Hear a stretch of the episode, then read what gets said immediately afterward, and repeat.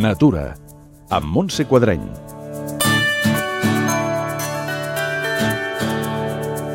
Dins el Parc Natural Cadí-Moixeró, al vell mig d'extensos prats i boscos típics de l'alta muntanya, hi trobarem Castellà de Nuc. Avui visitarem aquesta localitat del Berguedà envoltada per un exuberant entorn natural per veure el naixement del riu Llobregat. Eduard Coronado, guia de cingles, serveis educatius i turístics, ens recomana visitar podem diferenciar dos espais, l'entorn immediat i l'entorn no... poder una mica més dins del parc natural.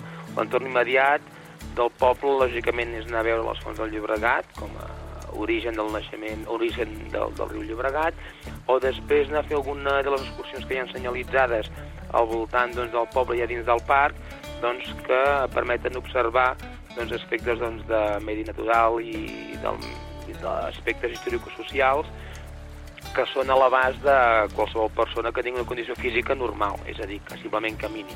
Aquest tipus d'itineraris es poden fer bé pel seu compte amb els fulls de, de la ruta senyalitzada o bé contactant un guia acompanyant que els hi permetrà doncs, seguir aquests racons sense aquest tipus de problema. Què ens aporta aquesta visita? Una de les rutes eh, s'inicia la cota de 1.900 metres al coll de la Carueta, que està dins del que és la zona de captació de les fonts del Llibregat. Mitjançant aquest recorregut el que permet observar és el per què doncs, aquí a baix a Castellà, als 1.400, hi ha les fonts, no? que és aquell espai on surt l'aigua de dins de la muntanya.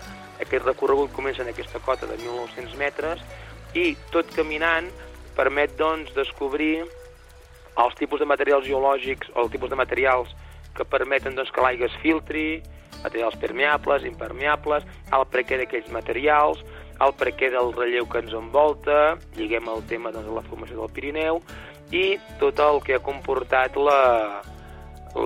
l'erosió eh, des de fa 164 milions d'anys que es van donar aquesta formació dels Pirineus fins a enguany, que ha donat peu finalment al que avui tenim en quant a les fonts del Llobregat. On comença i on acaba la ruta? La sortida precisament acaba la que és a la surgència principal o que la gent comúment coneix com les fonts del Llobregat, que és una zona més, més humanitzada, més adequada de cara al visitant, no? O sigui, comencem amb un recorregut d'alta muntanya fins anar baixant fins a les fonts del Llobregat, que es vas veient com gradualment ens anem acostant al que es diu la, la civilització o l'entorn més humanitzat.